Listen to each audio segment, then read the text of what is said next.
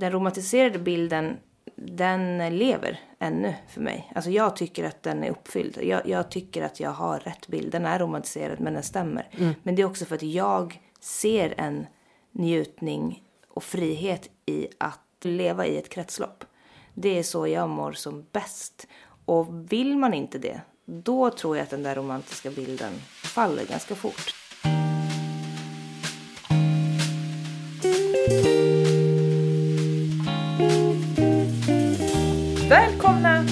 Annorlandet. En podd om att välja ett liv på landet med allt det underbara men också allt det skitjobbiga som det innebär. Stämmer den bonderomantiska drömmen? Ja, men det är det vi ska utforska i den här podden. Och ni kommer att träffa mig, Anna Lidbergius. Och mig, Anna Tenfelt. De två Annorna alltså. På landet. Annorlandet.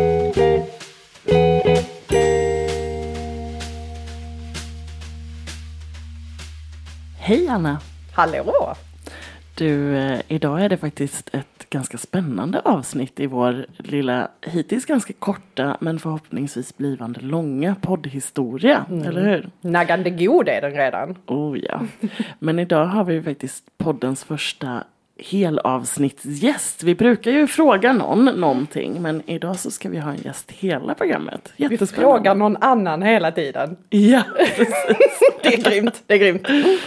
Så vi välkomnar väl Maxida Märak hit då. Tack! Hej! Vad kul att vara här. Välkommen Maxida. Tack så Känns mycket. jättekul att du har tagit dig ända hit här till studio mitt i spenaten. Ja, det är långt hemifrån. Verkligen, för du bor ju i Jokkmokk. Så det är ju en bra bit och vi bor ju i eh, Skåne. Ja, det är verkligen andra sidan landet.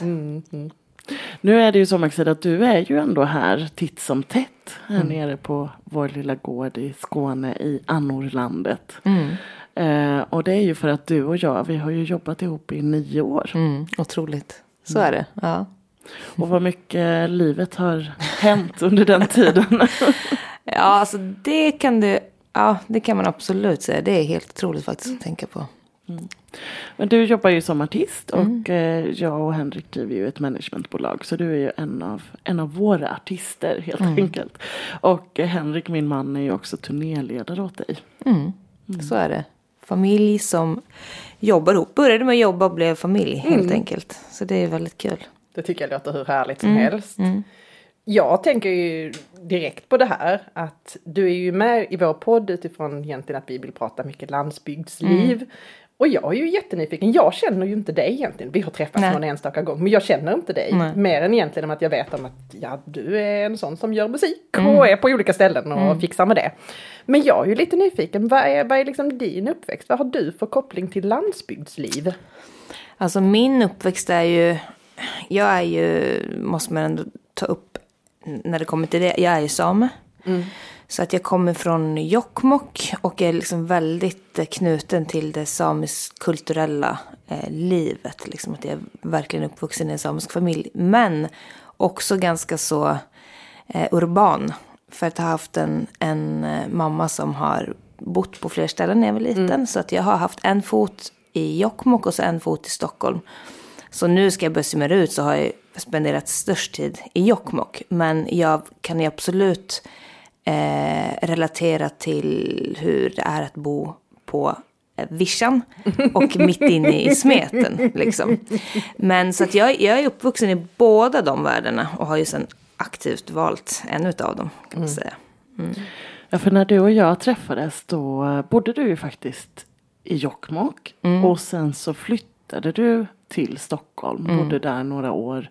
Men, och nu är, känns det som att det är rätt länge sedan du flyttade tillbaka. Men du, du tog ju beslutet att lämna storstan bakom dig och, och aktivt välja landsbygden. Liksom. Ja, så var det. Hur kom det sig då? Alltså, jag eh, har väl alltid, eller så här, jag har alltid vetat var jag ska hamna till slut på något sätt. Vilket är ju i skog och mark och fjällvärld. Men det är så lätt eh, att man eh, liksom bygger upp hela tiden en bild av var man ska hamna till slut och att det är otroligt långt in i framtiden. Att man aldrig kommer dit liksom. Nej, precis. Man pratar mycket om det och sen så lever man kanske hela livet och gjorde det aldrig. Och sen så gjorde, slog man slag i saken när man var väldigt, väldigt gammal. Men för mig så tror jag att det, det är mycket har med ålder att göra. Att man, man, lär, man försöker ju hitta sig själv i ganska många år. Och det gör man väl ännu. Men eh, för mig, jag upptäckte ju mer jag kom in i liksom vuxenlivet att staden är ingenting för mig. Jag är mm. väldigt glad att jag liksom har verkligen testat det och testat det till fullo. Men både rent så fysiskt och psykiskt så är det absolut inte så som jag vill eh, leva. Mm. Så att, eh, och då var det ganska enkelt för mig som ändå kommer från ett, eh, alltså jag har ett hem där i Jokkmokk liksom och ett helt liv där som jag kunde fara tillbaka till på något sätt. Så att jag, jag eh, ja men för mig blev det egentligen att göra det jag alltid visste men, men kanske mycket tidigare än vad jag trodde mm. när jag var yngre. Jag tänker vi kan inte bara hoppa över det faktum att landsbygdslivet måste vara rätt annorlunda mm. om man jämför där, där vi bor här nere längst ner i Skåne och jämfört med Jokkmokk. Mm. Och jag kan ju säga, jag har ju inte spenderat någon tid så långt norrut. Jo, jag har varit på ishotellet, men det är mm. väl inte riktigt samma sak som att säga att man har varit ute på vischan. Tänker du det, Anna? ja, men jag har ju varit ganska många gånger i, ja. i Jokkmokk och hälsat på och sådär. Och vi har varit där uppe och jobbat tillsammans mm. och vi har också varit både i, ja, men på olika platser i norra Sverige och i Nordnorge som ändå mm. ganska liknande mm. eh, naturmässigt med norra Sverige. Mm. Eh, och sen så har jag ju haft det stora privilegiet att få liksom, ta en liten, liten del av bitar av den samiska kulturen mm. genom eh, att få vara med dig i sådana sammanhang. Eh, och det är ju otroligt stor skillnad och jag tänker att eh, det är lite det vi vill utforska i det här avsnittet. Mm. Att så här, olika typer av landsbygd, olika sätt att leva på landsbygden. Och vi tre som sitter här nu, vi representerar ju väldigt olika sätt ändå att bo på landsbygden. Tänker Anna, du bor inne i ett litet, litet samhälle, men ändå ett samhälle liksom. Mm. Eh, jag och Henrik, vi bor ju på ute på en bondgård eh, med liksom mycket egen mark och så. Och Maxida, du har ju egentligen två stycken olika. Dels så bor mm. du ju inne i Jokkmokk men då har du mm. skogen. Du bor lite liknande som Anna och Rasmus gör. Mm. Att, att du har en villa men det är natur precis överallt runt mm. omkring dig. Och du har en stor trädgård där du kan göra saker och så. Men sen har ju du också ett boende eller flera boenden till fjälls mm. med renarna. Där mm. ni uh, har fjällstugor. Så jag tänker du kan väl bara berätta lite om så här, men hur funkar det och var, varför har ni flera olika stugor? Varför har ni inte bara ett fritidshus som man mm. åker till och hänger? Ja, alltså först är det precis det jag tänkte det när jag får, nu sitter jag hos den ena annan då eh, som eh, bor inne i samhället så tänkte jag att men det här är ungefär så som, eh, alltså husmässigt också trädgårdsmässigt i storlek och så. Ungefär lite som, så som jag bor Ja, lite ja. mer som dig. Mm. Men just den där skillnaden är precis att skillnaden är att det finns ingen, eller ja, du kan ju få åt ett håll kan du få in i samhället, men alltså bak i mig är det skog. Mm. Och, och det, den skogen tar inte slut. Eh, så att det blir, det är ju som ett slags villområde som någon har sl slängt ner i skogen. Alltså, så det blir ändå en helt annan, eh, det blir en helt annan sak. Och sen är det väl just det där att vi är inte så, nu pratar jag vi som vi samer som, har, eh, som tillhör renskötardelen, är ju inte knutna till en plats utan fortfarande så lever vi ju efter renen. Mm. Och den byter betesområden. Så det är därför vi har stugor på olika platser beroende på om det, den är på vinterbete, vilket är i skogsområdet om man tillhör fjällsamebyar. Eller om det är uppe i fjällvärld mm. där det är sommar, eh, sommarbete. Så att på så sätt så, så, bor vi också faktiskt på flera olika ställen. Och det är väl också därför jag har valt aktivt att bo i Jokkmokk. Därför att det må vara långt till mycket. Men det som är mig närmast rent personligt och så kulturellt, det är nära. Mm. Eh, det är nära för mig att ta mig, eller nära, nu ska vi, det här är också intressant vad avstånd är. Ja men eller hur, liksom. för vi pratar ju liksom, åh oh, gud vad vi har det långt när vi bor mm. här ute på landet, det tar en hel kvart att köra till mm. affären. Mm. Mm. Nej men och, och, så är det ju uppe hos oss är ju liksom närmsta flygplats, alltså ja, nu finns det ju där i Gällivare, men den flyger man inte så ofta ifrån. Men annars ska du ta dig in till en stad, liksom, det är flera timmar bort. Mm. Om du ska ta dig dit. Det är närmare att ta dig till fjällen än till stan. Liksom, från oss.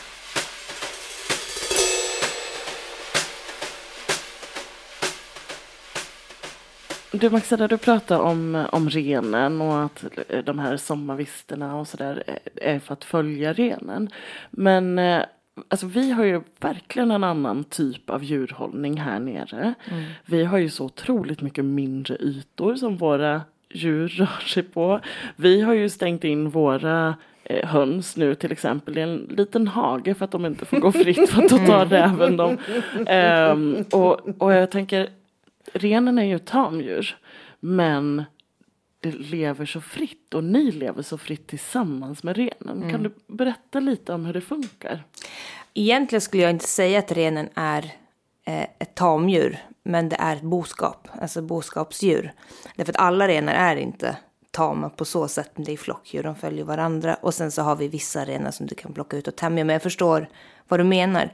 Men det är inte så att, all, det är inte så att hela jorden följer efter dig när du kommer gående. Det gör de inte. Det är Ja, verkligen långt ifrån så som du och jag pratat om funktionsdjur tidigare. Ja. Det här är ytterligheten till funktionsdjuret hamster. Ja, ja absolut. Nej men alltså det, och det är därför det, alltså det är mycket jobb med det. För att du ska flytta en jord med djur som inte följer dig. Alltså så när du ska flytta mellan betesområden. Det tar tid liksom. En flock på flera tusen. Det är inte någonting som du gör på en dag så. Ehm, men vad var frågan?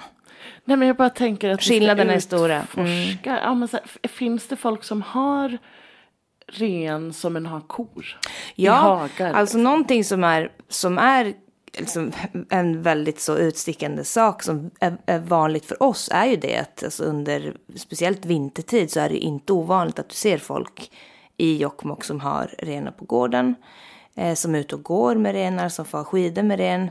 Eh, det är ju ganska normalt. Och du brukar ju ha ett par Ja. renar hemma hos dig och tämja. Mm. Jag har precis, jag tar hem renar på vintern som man låter få äta upp sig lite extra och som, som eh, jag har tämjt från att de var vilda. Vad menar du när du säger att du tar hem dem? Mm, de far ju fritt. Det är ett, som, som sagt ett fritt boskapsdjur.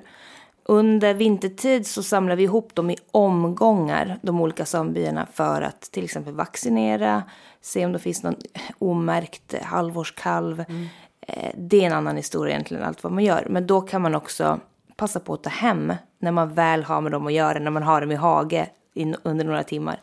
Då kan man ta hem kanske någon kalv som har blivit eh, som är svag, som man behöver kanske mata för att få upp eh, energin igen. Eller som vi, att vi faktiskt fortfarande har den traditionen att man eh, tämjer vissa kastrerade eh, sarvar, alltså härkarna. Mm. Och jag har ju några sådana som jag har haft, alltså en viking till exempel, han började tämja när min dotter låg i magen. Eh, hon fyllde 11. Och eh, jag såg han inte i, jag har inte sett han i år, men annars har han varit hemma nästan varje år, en sväng. Vilken skillnad det är Anna när hon säger så här, jag har inte sett han i år. Och så håller vi på, och, ja du håller på, och räknar hönsen. Och räknar in dem och räknar in dem. Och Varje sen, ja, jag har inte sett den år så egentligen vet jag inte om Nej, den är vet där. inte. Nej, man vet inte. Vilken annorlunda relation till dem. Mm, det är det. Det är speciellt, ehm, men så, så är det. Det är inte alls ovanligt och det är väldigt kul att se när, turister kommer upp och så är, blir det nästan så stereotypt. Att, ja men ofta, alltså jag också som är offentlig person, ibland trillar ju folk alltså, av stolen för att det ser för konstigt ut att jag kommer gående med en ren. Liksom, där. Men det sker liksom. Och det är väl, jag älskar ju det. Det är ju verkligen, eh, vi är väldigt, väldigt starkt knutna till de där traditionerna Ja. än idag. Där uppe. Och det, jag lever och andas den världen. Så för mig, på tal om liksom att välja att flytta ut så finns inga alternativ. Det där är inte görbart någon annanstans. Och den acceptansen också för att kunna ha den typen av boskap det hittar du inte heller överallt. Jokkmokk är en väldigt samisk stad, eh, men det är inte alltid det är eh, alltså samevänligt i alla bygder heller. Så att det fungerar heller inte att ha det så. överallt. Men, eh, men hos oss så, så funkar det fint. Folk har respekt för det. Nu är annorna törstiga. Vad har ni i glaset idag? Du, det är rätt varmt här inne Anna. Har du något eh, gott att bjuda på i glaset idag? Du, jag har någonting väldigt, väldigt gott. Det här är rätt så lokalt, det vi ska dricka just nu.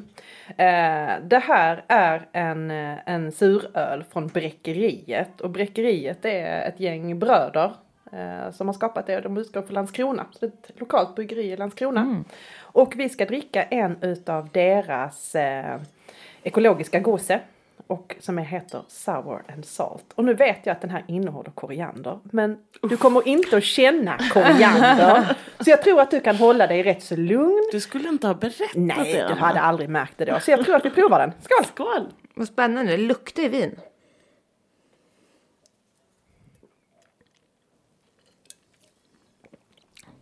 Nu jobbar jag för att eh, känna koriandern här. Mm. Man känner inte någon koriander. Nej, det gör den inte. Alltså när, när du berättade att vi skulle dricka sour and salt så tyckte jag liksom det här måste ju vara det ultimata för mig. Jag älskar ju både surt och salt. Men den är god. Jag tyckte den hade hunnit bli lite för varm här inne. Känner ni det? Jag tycker också den var ganska god faktiskt. Jag, jag gillar det här. Jag har ju väldigt svårt för, jag har ingen så sweet tooth Nej. alls.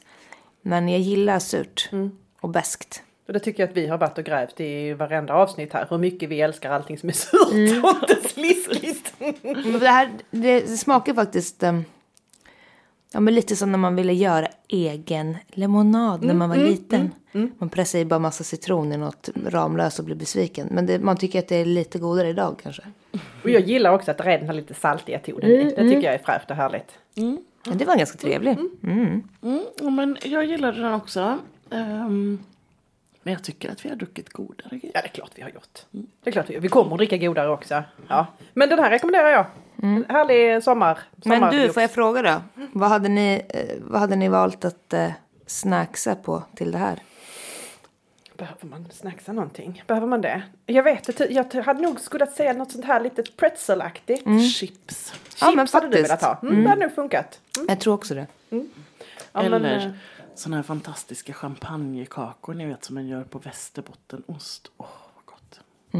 det här måste vi aning. gräva i någon annan Ja. gång hur man gör detta. För det lät gott. Tack för det.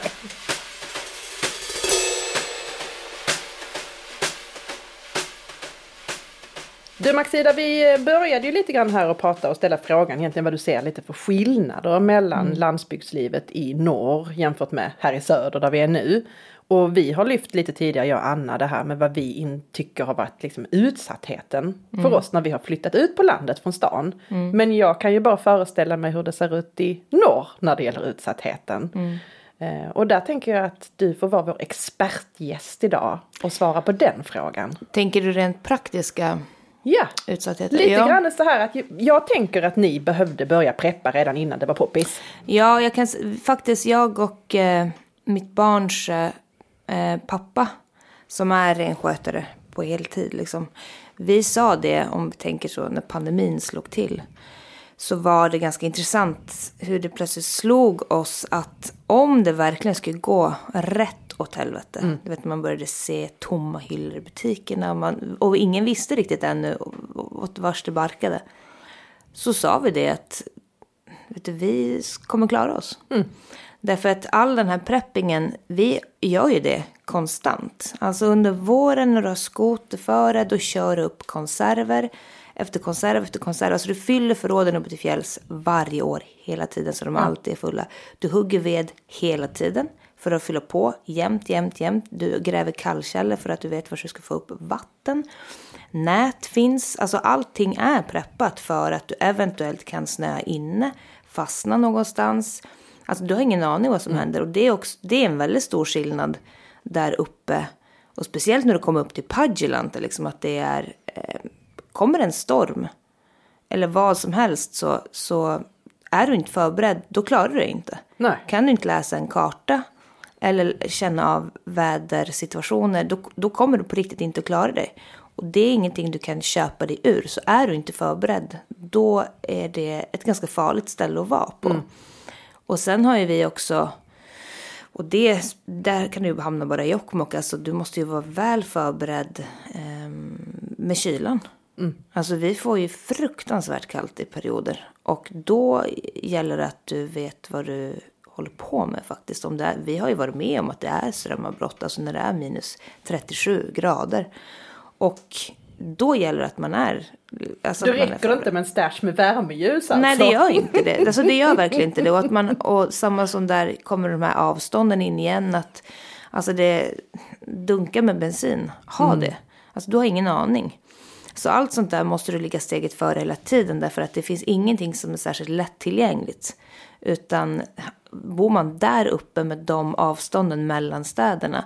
Då gäller det att du har investerat i alltså förberedelser. Eh, så så är det ju. Så, så just den där kylan, det, det är någonting som man får tänka på konstant. Och sen är det ju också, eh, ja men då, även när värmen sen slår till, alltså någonting som jag ofta tänker på är ju, fan om, om, tänk om strömmen går när jag är borta. Alltså jag har frysbox full med kött. Alltså vet du, jag har kött för två år fram i tiden. Du vet, det är, ehm, så det finns ganska mycket, alltså som, som, eh, som man behöver tänka på. Lite sårbart.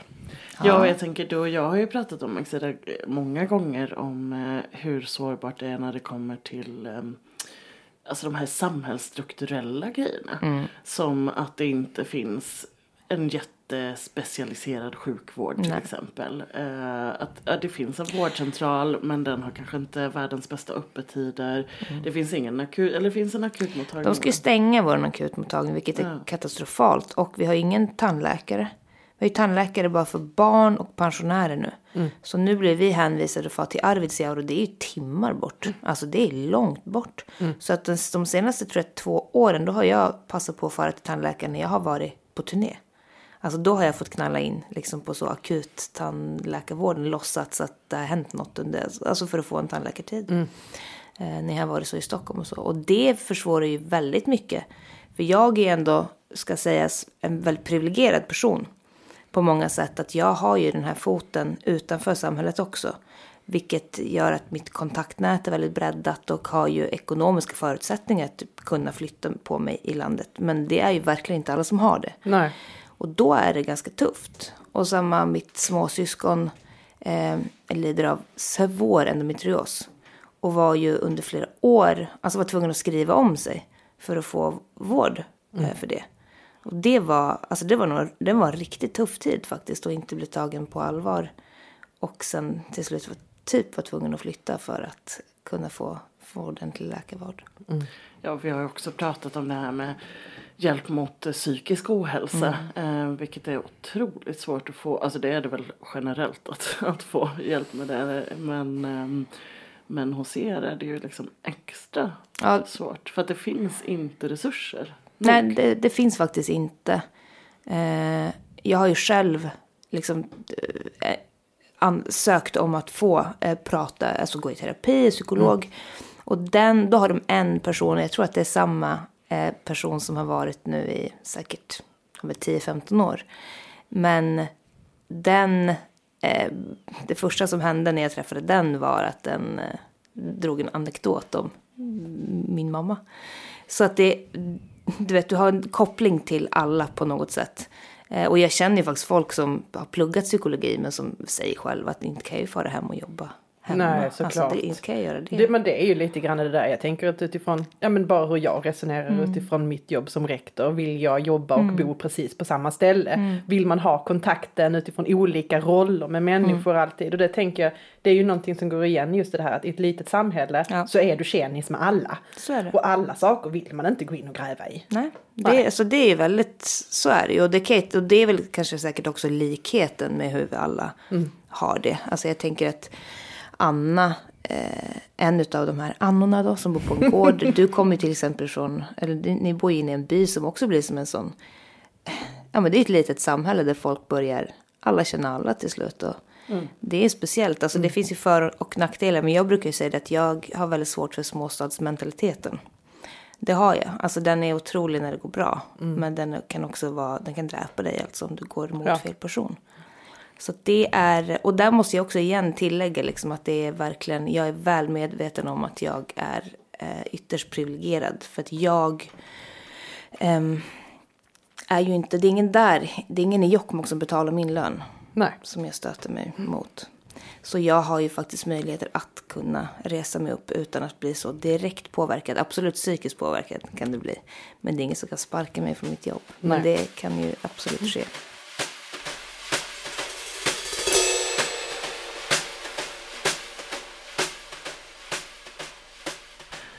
Tänker en annan skillnad är ju eh, växtligheten, alltså att växtzoner och så. Det här har du ju tagit upp en del sen du kom hit nu Maxida. Att så här, ja, men den typen av träd skulle vi aldrig kunna ha hemma eller så.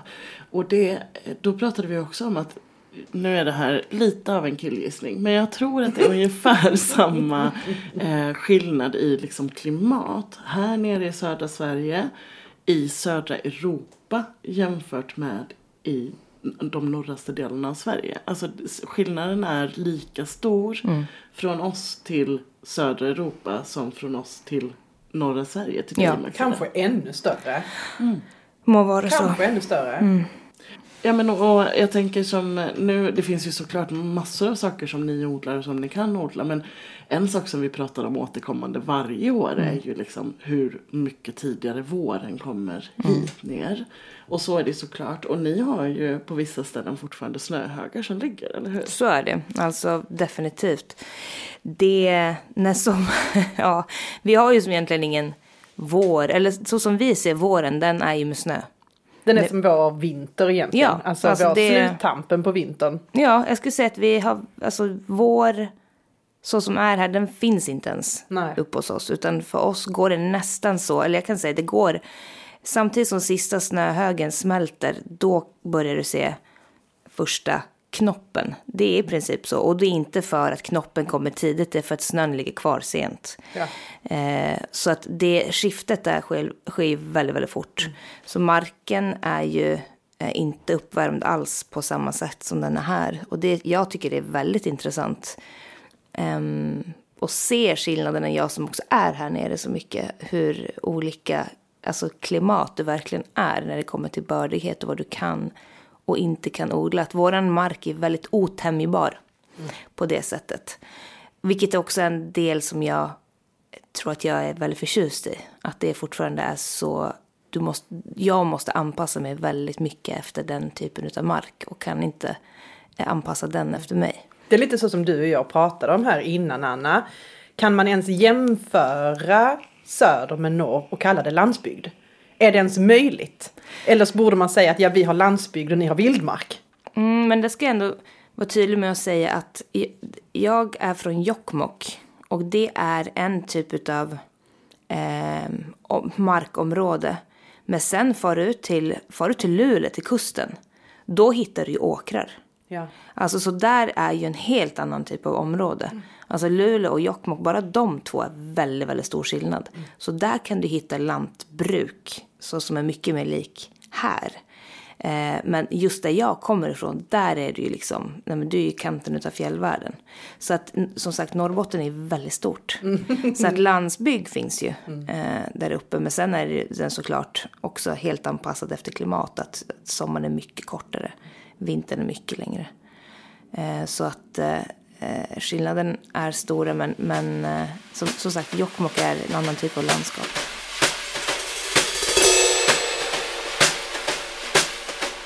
Jag tänker Maxida, vi, vi inledde ändå lite grann med en lite romantiserad bild utav landsbygdslivet. Du beskriver lite grann att det här är faktiskt det du aktivt väljer i ditt liv. Ehm, men jag blir ändå lite mer nyfiken på liksom hur ser din sån här lite så här romantiska dröm om landsbygdslivet ut? Vad är det du tänker att du ska förvänta dig? Alltså jag ska säga, ett så tror jag verkligen att det är så här, eller tror jag, det, det är inte för alla. Um, likadant som typ mitt yrke är inte för alla. Eh, om man inte, sen så tr- tror jag att du kan ju välja olika sätt att leva det. Du skulle kunna välja att bo så som du bor eller jag bor. Och eh, inte göra så mycket mer med det. Alltså bara vara där i huset. Men min plan är egentligen att bara så här inom tio år kanske jag flyttar mig ännu längre ut i skogen. jag, den romantiserade bilden, den lever ännu för mig. Alltså jag tycker att den är uppfylld. Jag, jag tycker att jag har rätt bild. Den är romantiserad men den stämmer. Men det är också för att jag ser en njutning och frihet i att eh, arbeta med där jag lever. Jag vill leva i ett kretslopp. Det är så jag mår som bäst. Och vill man inte det, då tror jag att den där romantiska bilden faller ganska fort. Därför det är slitigt. Precis, då kommer man bara springa omkring och vara tyngd under alla Ja, krav, ja, att alla du- sina måsten. Ja, för det, det, det är ju det. Du, du tar inte an ett hus, du tar dig an någonting mycket, mycket större. Eh, och det som sagt är verkligen inte för alla. Men om man som mig, jag, jag vet inte, jag älskar att stå på scen och vara i rampljuset där. Men det finns också en sida av mig som gillar att kliva av den och bli en gren nästan. Alltså jag gillar att jag är en del av någonting och, få, och, och att det jag gör hjälper saker att rulla på. Det är också därför jag tycker att renskötseln är en sån liksom, fin bild att kunna eh, måla upp och förklara det. Därför att renskötseln till exempel är inte vinstdrivande. Den går bara ut på att det ska gå runt i princip. Det är ingen som blir rik utav det. Utan det är ett sätt att bara hålla igång det här ekosystemet. Och för mig är det, eh, liksom det ger mig en själslig eh, trygghet och ett lugn. Att jag ser att jag kan vara med och förändra där jag, så som jag lever. Och att det jag sår kan jag sen få skörda. Och då är det också för mig att ge tillbaks på något sätt. Alltså då får man ligga i och slita liksom. Så att den romantiserade bilden, eh, då ingår det där slitiga. Ja. Annars tycker inte jag att det är något, jag tycker inte att det är något härligt annars. Jag gillar att se, fan man har krattat den där jävla gräsmattan, tog liksom 150 år och burit bort en massa skräp och allting. Och jag gillar att se hur fint det blev. Och att jag gjorde det där liksom. Eller snickra ihop sina egna utemöbler, vilket jag absolut har gjort nu under flera veckor. Bara för att jag tycker det är kul. Men vad bra, jag fick bort en massa Alltså jag får och hämta en massa virke hit och dit och, och byggt något själv utav det. Alltså den tillfredsställelsen, jag älskar den. Jag gör den hellre, jag gör absolut hellre det än att åka på spa. Alltså, och det säger jag helt ärligt, det är inte för mig. Alltså stadslivet, jag får ingen sån, ehm, eh, jag blir inte, mitt belöningssystem kickar inte igång. Nej. Men det är ju det du och jag har pratat om Anna. Alltså just den här, att den här tillfredsställelsen av att göra någonting som är meningsfullt. Som är både meningsfullt för en själv men också utifrån det du beskriver, göra fint. Och att det är någonting som, som kickar igång hos både dig och mig. Liksom här, att, att få jobba hårt och sen få njuta av det efteråt. Och, Precis. ja men det som du och jag pratar om, att potatismoset blir godare om man har slitit med, med hela förarbetet. Men jag tänker också ni som har, båda ni två har ju höns. Och det finns ju någonting, alltså bara det också att se en kyckling växa till sig, bli trygg, glad, större. Alltså vet, så, så som vi har med renarna också där, att det är så, det, ger, det är ju allt. Alltså det är få gånger tror jag som man får uppleva sån där glädje. Eh, Man gör det nästan bara när man är barn. Alltså, jag tror jag berättade någon gång, Nicky Sonna, min dotter, hon ville ha 12 kronor. Jaha, vad ska du ha 12 kronor? Nej, för hon skulle köpa en sån is, eh, plastgrej som man gör is i. För det, alla hade köpt en sån på mataffären. Så fick hon 12 kronor, så fick hon gå och köpa den där fula gummigrejen. Alltså den lilla töntiga grejen med att hon gjorde såna egna ishjärtan liksom. Det är så här, bara barn blir glada av sådana Ja. små saker. Men just den typen av pirr, det, det kan man ju känna nu i vuxen ålder. När man står och tittar ut på sin, alltså en, dina pioner. Ja. När du står och tittar, och det är otroligt. Eller när vi går och luktar på doft Ja. Ja, eller när ni pratade om uh, svamp. Ja. Alltså, och att få ynnesten att liksom få känna de upprymda känslorna, det är, det är allt. Jag tycker det. Och alla gör nog inte det. Ehm, men de som gör det, de eh, ska nog inte bo i stan. Nej. Du Maxida, nu tog du ju upp svamp så då måste jag ställa en svampfråga. Eh, hur stor är oddsen, du har ju varit med mig några gånger och plockat svamp. Hur stor är oddsen att du följer med mig och Anna i höst? Nej men jättestora. Ja, absolut. Nej men det gör jag gärna. Mm, jag är själv inget svamphead. Men... Du eh, kan bli. Ja, hundra procent. Alltså det, men däremot så vet jag att om jag, jag ska kunna absolut bli det. Ja, och, och, och bli lika nördig. Det, det, jag är med. Ligga där på alla fyra och förundras. Och för varje svamp vi hittar så ska vi bli lika lyckliga som Nicky Sunna blev när hon fick sin Is. is. Form. ja, ja, ja. Hörrni, jag tror att det var en rätt så snygg avrundning på det här, eh, på det här pratan. Tror inte ni det? Tack så jättemycket för att du ville komma Maxida. Jag förutsätter att du kommer vara en återkommande gäst. Ja, men gärna. Jag här också. Och jag har ju bara under den här pratan har jag ju förstått hur mycket jag har att lära mig. Mm. Men jag tänker också till hösten superbra för då börjar det hända grejer i skogarna tänker jag på ett helt annat sätt. Ja, då får du följa med. Då, då poddar vi live i skogen. Tack så hemskt mycket för idag. Tack så mycket. Hej hej! Du har hört ett avsnitt av Annorlandet med Anna Lidbergius och Anna Tenfelt. Inspelat i Studio Mitt i Spenaten.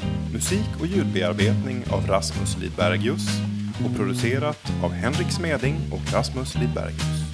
Vill du komma i kontakt med annorna?